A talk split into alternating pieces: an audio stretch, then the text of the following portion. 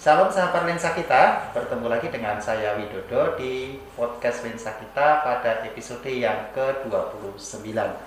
Masih dalam rangka memperingati HUT RI yang ke-76. Nah, podcast lensa kita pada kesempatan kali ini sudah kedatangan bintang tamu yang luar biasa. Nah, kita tahu di masa-masa sekarang ini, masa-masa pandemi ini semua orang berjuang ada yang berjuang untuk ekonomi keluarga, ada yang berjuang juga untuk sakit penyakit, tetapi ada juga yang sedang berjuang untuk terus belajar seperti anak-anak kita, adik-adik kita yang sedang sekolah baik dari TK sampai perguruan tinggi. Mereka sekarang sedang berjuang, berjuang untuk belajar secara daring atau dalam jaringan. Tentunya ada pengalaman-pengalaman tersendiri ataupun ada hal-hal yang menarik yang perlu kita dengar bersama. Langsung saja kita sambut bintang tamu kita saat ini, Arum Narwastu. Ya. Selamat datang Arum. Halo. Ya, makasih makasih. Di mana kabarnya? Ya, sejauh ini baik sih, puji Tuhan. Sehat ya? Sehat. Oke. Kalau kita mendengar kata berjuang, itu biasanya identik dengan perang gitu kan, Iya. melawan musuh dan lain sebagainya. Tetapi saat ini juga kita juga sedang berjuang sama seperti yang tadi saya katakan. Nah, terutama Arum ini sebagai mahasiswa ya. Ya. Semester berapa ini Arum? Mau masuk semester 7. Oh, masuk semester 7 ini Iya. ya. Belajar dalam sistem daring ini sudah berapa semester? Kira-kira ya berapa ya? Dua semester. Dulu Hmm. mulai masuk semester 5 waktu awal pandemi itu. Oh, awal pandemi semester 5 Iya. sampai sekarang gitu ya. Iya. Berarti dua semester.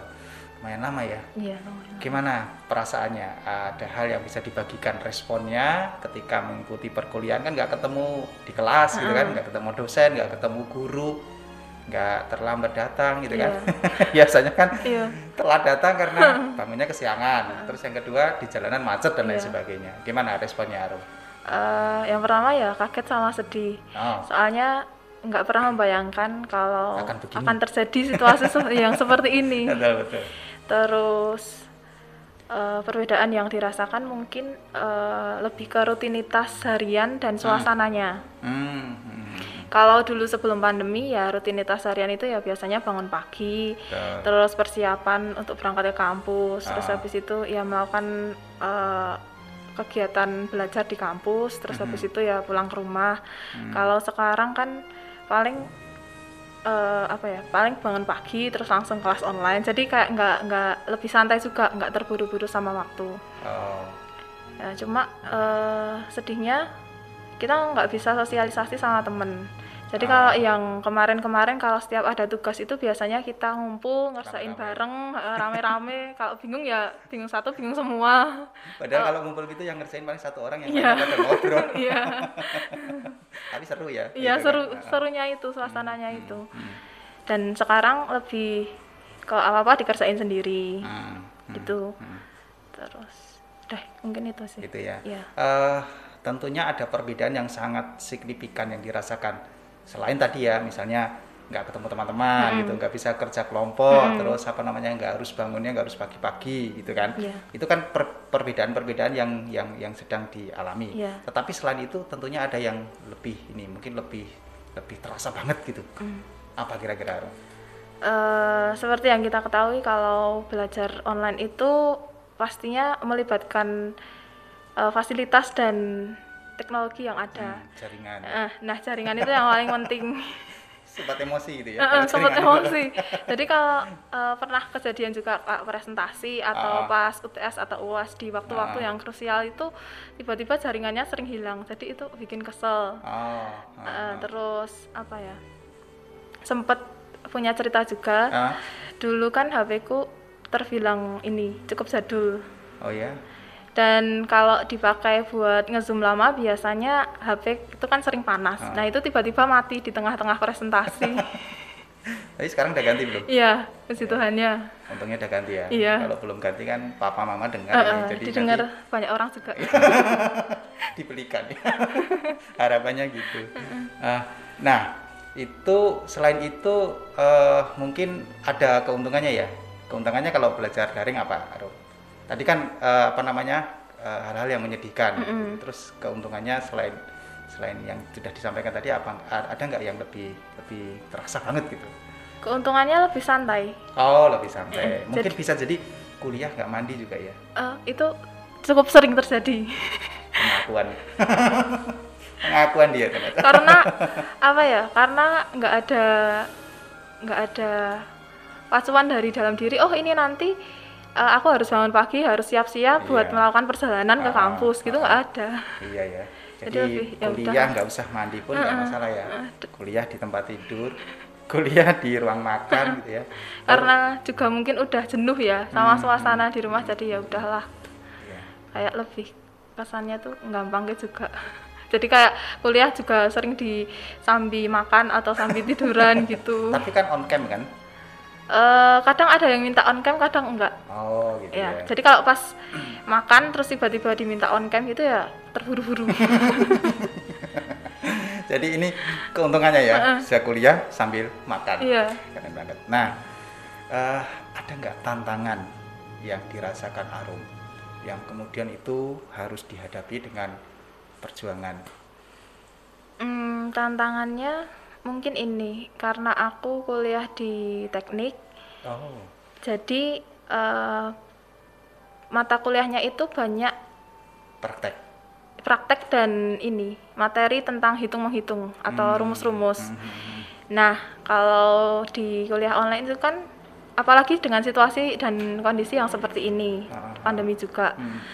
Itu banyak praktikum atau kegiatan outdoor kampus yang ditunda. Hmm. Yang ditunda atau dilakukan secara online. Jadi apa ya? Kita mendapatkan ilmu itu berkurang. Betul. betul. Dan kalau secara kita dijelaskan dosen secara online itu kayak ada yang kurang greget gitu. Iya, karena kalau kalau kita belajar teknik itu artinya kita harus belajar dengan benda kerja, ya Iya. kan? Kalau kita praktek kemudian benda kerjanya virtual itu Iya. Jadi cuma langkah-langkah ini aja. tutorial, kan? Tutorial. Jadi cuma alat bahan, langkah-langkahnya ini ini. Tapi sejauh ini gimana? Bisa diikuti nggak? Sejauh ini ya bisa diikuti Mhm. dan jadi tantangan se- tersendiri untuk mencari literatur-literatur di luar materi yang disampaikan dari dosen supaya ini ya pengetahuannya lebih bertambah. Betul. Jadi memang mahasiswa dituntut juga anu ya apa namanya kreatif kan? Mm-mm. Karena tadi, belajar praktikum itu harus ada benda kerja yang berhadapan dengan kita sementara kan enggak. Jadi memang harus harus kreatif. Nah, kalau Arum tadi masuk semester 7 ya, biasanya itu sudah mendekati KKN gitu ya. Itu gimana? Apakah nanti KKN juga dengan sistem online juga? Iya. Jadi di kampusku itu mewajibkan KKN itu KKN online. Kalau biasanya itu kan KKN dikenal eh, nanti dari beberapa program studi Ah. ngumpul beberapa dikumpulkan beberapa mahasiswa terus Iya. nanti dilepas di Satu misalnya di. Samana Ah. gitu kan seru. Jadi kita juga bisa bersosialisasi sama penduduk sekitar sama teman-teman yang beda jurusan yang belum kita kenal. Kalau eh, KKN online ini ya kita diwajibkan untuk KKN di Rumah. rumah masing-masing. Saya nggak kebayang gitu. Kayak gimana rasanya KKN di rumah masing-masing gitu ya. Terus udah ada gambaran. Eh, ya sempat bingung juga. Ah, Jadi eh, beberapa program kerja itu kan mewajibkan yang berkaitan dengan eh, teknik ya. Iya. Kalau aku kan di teknik sipil, jadi bingung juga kayak kalau di kota itu mau mau ngapain. Nah itu padahal harus real ya. Iya. Namanya KKN kan kuliah kerja nyata. Iya, Kalau berarti ini nanti nggak jadi kerja nyata ya. iya, Tetapi itu tadi saya melihat perjuangannya sangat berat juga ya. Mm-mm. Karena harus beradaptasi dengan suasana yang baru. Iya. Apalagi kalau tadi Arum bilang harus praktek dengan hal-hal yang se- semestinya itu real, Mm-mm. tapi kemudian hanya melihat video gitu kan kayak tutorial. Uh, itu tadi kan tantangan yang dialami kan selama belajar daring.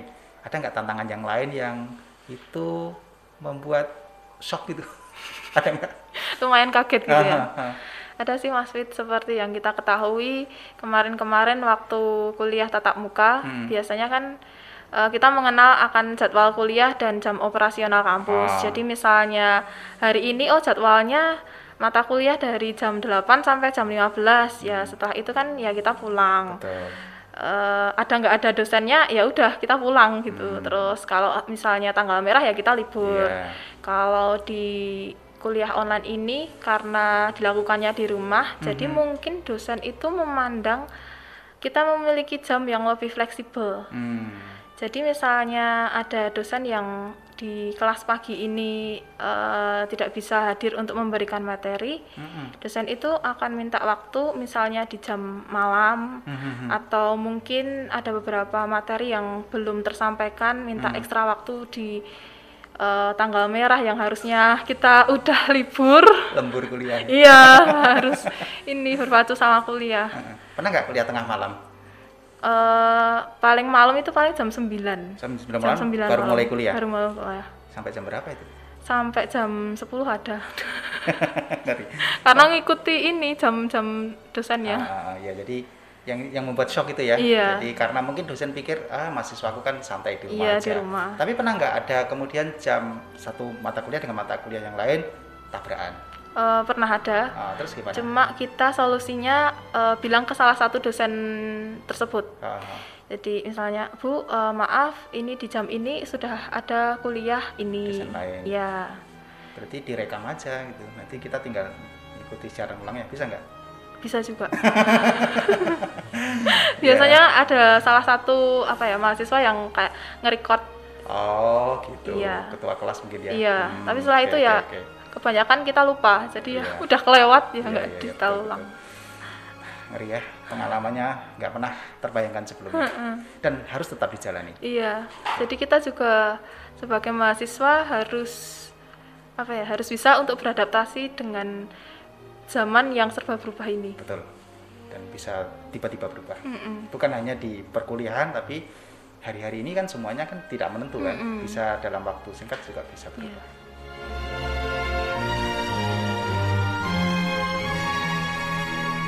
Dalam perbincangan kita ini, kita akan mendasarinya dengan satu kebenaran firman Tuhan yang diambil dari Filipi pasal 3 ayat yang ke-13 sampai 14. Saya akan bacakan begini. Filipi pasal 3 ayat 13 sampai 14. Saudara-saudara, aku sendiri tidak menganggap bahwa aku telah menangkapnya.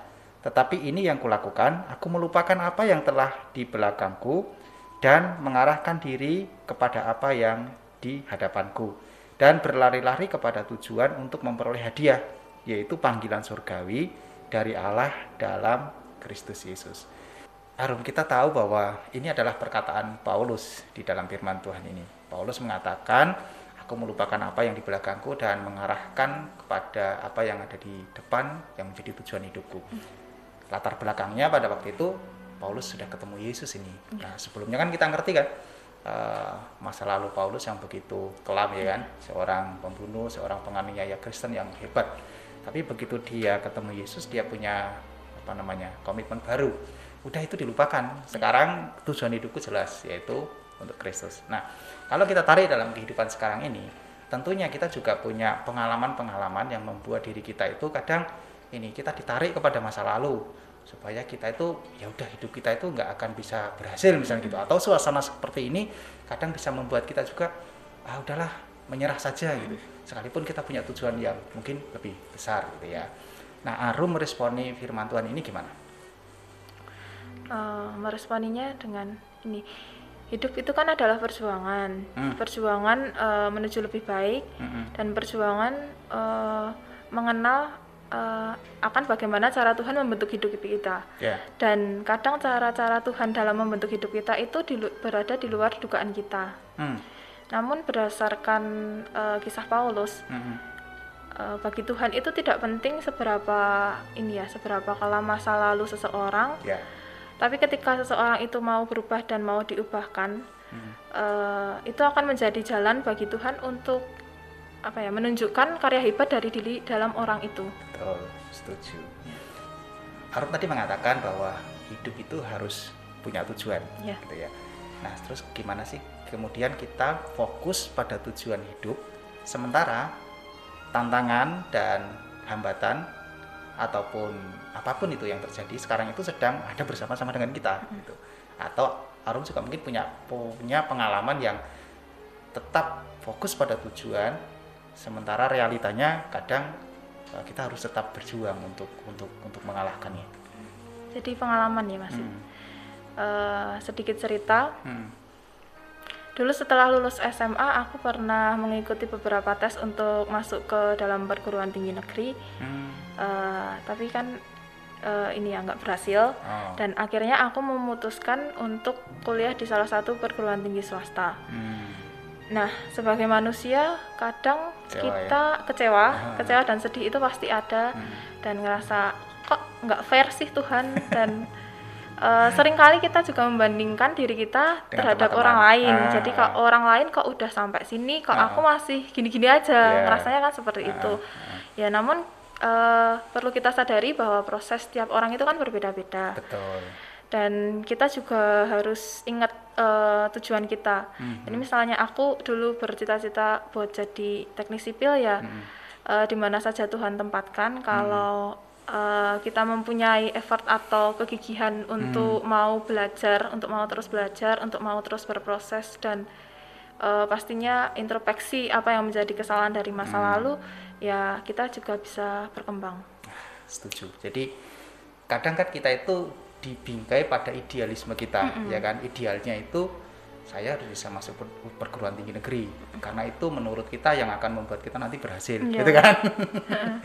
nah, sementara kadang realita itu tidak seperti apa yang menjadi idealis kita gitu. Nah, kalau gitu apakah kemudian tujuan hidup kita akan gagal kan nggak juga, ya kan? Kalau begitu nanti kasihan kan orang-orang yang tidak sekolah di perguruan tinggi Iya. negeri kan. Padahal ada banyak juga yang tetap di perguruan tinggi swasta tapi mereka juga berhasil karena Iya. tadi punya effort yang luar biasa Iya. gitu ya. Nah, itu menarik sekali. Tetapi tidak sedikit sih orang yang kemudian jatuh terpuruk pada situasi yang sedang dialami Iya. seperti Arum katakan tadi. Arum harus tetap bangkit kan gitu kan. Iya. Tujuannya adalah bukan tujuannya kan bukan perguruan tingginya kan. Iya. Tujuannya tetap menjadi seorang Iya. teknik sipil kan. Iya, Soal, cita-citanya nah itu cita-citanya soal perguruan tinggi itu kan hanya fasilitas Iya. untuk memperlengkapi kapasitas kita. Itu keren sekali.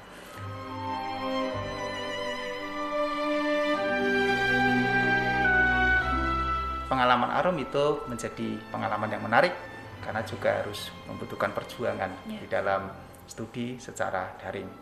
Tapi saat ini juga kita sedang berjuang, Ya. Berjuang dengan waktu. Keburu time out. Iya, betul. Ternyata waktu kita sudah mau habis di episode kali ini. Terima kasih Arum sudah hadir di podcast kesayangan kita ini. Ya, sama-sama. Ya, gimana perasaannya? Eh, senang bisa berbagi cerita dengan sahabat lensa kita, Ah, pastinya. ya. Dan tentunya apa namanya? Apa yang di-sharekan Arum pasti juga dialami oleh orang lain Iya. atau teman-teman yang mau kuliah pasti nanti akan mengalami kayak Iya, gitu. merasakan. Karena kan kan masih masih sekolah kuliah online ya. Iya. Oke, sekali lagi terima kasih untuk kehadirannya di podcast Lensa kita. Sahabat Lensa kita, kita sudah sampai di penghujung episode kali ini. Jangan lupa untuk terus mengikuti episode-episode berikutnya yang akan tayang di channel YouTube PKMI Solo serta Spotify Lensa kita. Terima kasih untuk Arum atas kehadirannya di podcast Lensa kita. Kita sudah berbincang-bincang tentang perjuangan. Jadi hidup itu memang punya tujuan dan di dalam mencapai tujuan hidup itu ada hal yang harus diperjuangkan. Nah, menurut Arum kita harus tetap fokus kepada tujuan hidup kita dan yakin bahwa Tuhan menolong dan menyertai kita. Ketika ter- kita terus menyerahkan segala sesuatu kepada Tuhan. Tuhan punya rencana tersendiri atas kehidupan kita. Sekalipun yang kita impikan, kita yang menjadi idealisme kita tidak seperti realitanya, tetapi itu tidak menghalangi tujuan kita untuk te- terus fokus pada rencana Tuhan.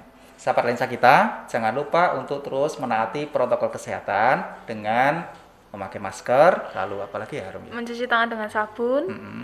Eh, menjaga diri dari kerumunan, menjaga jarak Menjaga- juga ya, menjaga jarak dari kerumunan. Mengurangi mobilitas Ah. gitu, dan makan makanan yang cukup Iya, dan bergizi, bergizi. betul, setuju dan olahraga Iya. ya. dan satu lagi yang pasti dan harus itu selalu berdoa. Memohon kepada Tuhan supaya kita tetap diberi kesehatan, dijagai selalu. Sampai jumpa di episode berikutnya dan Tuhan Yesus memberkati.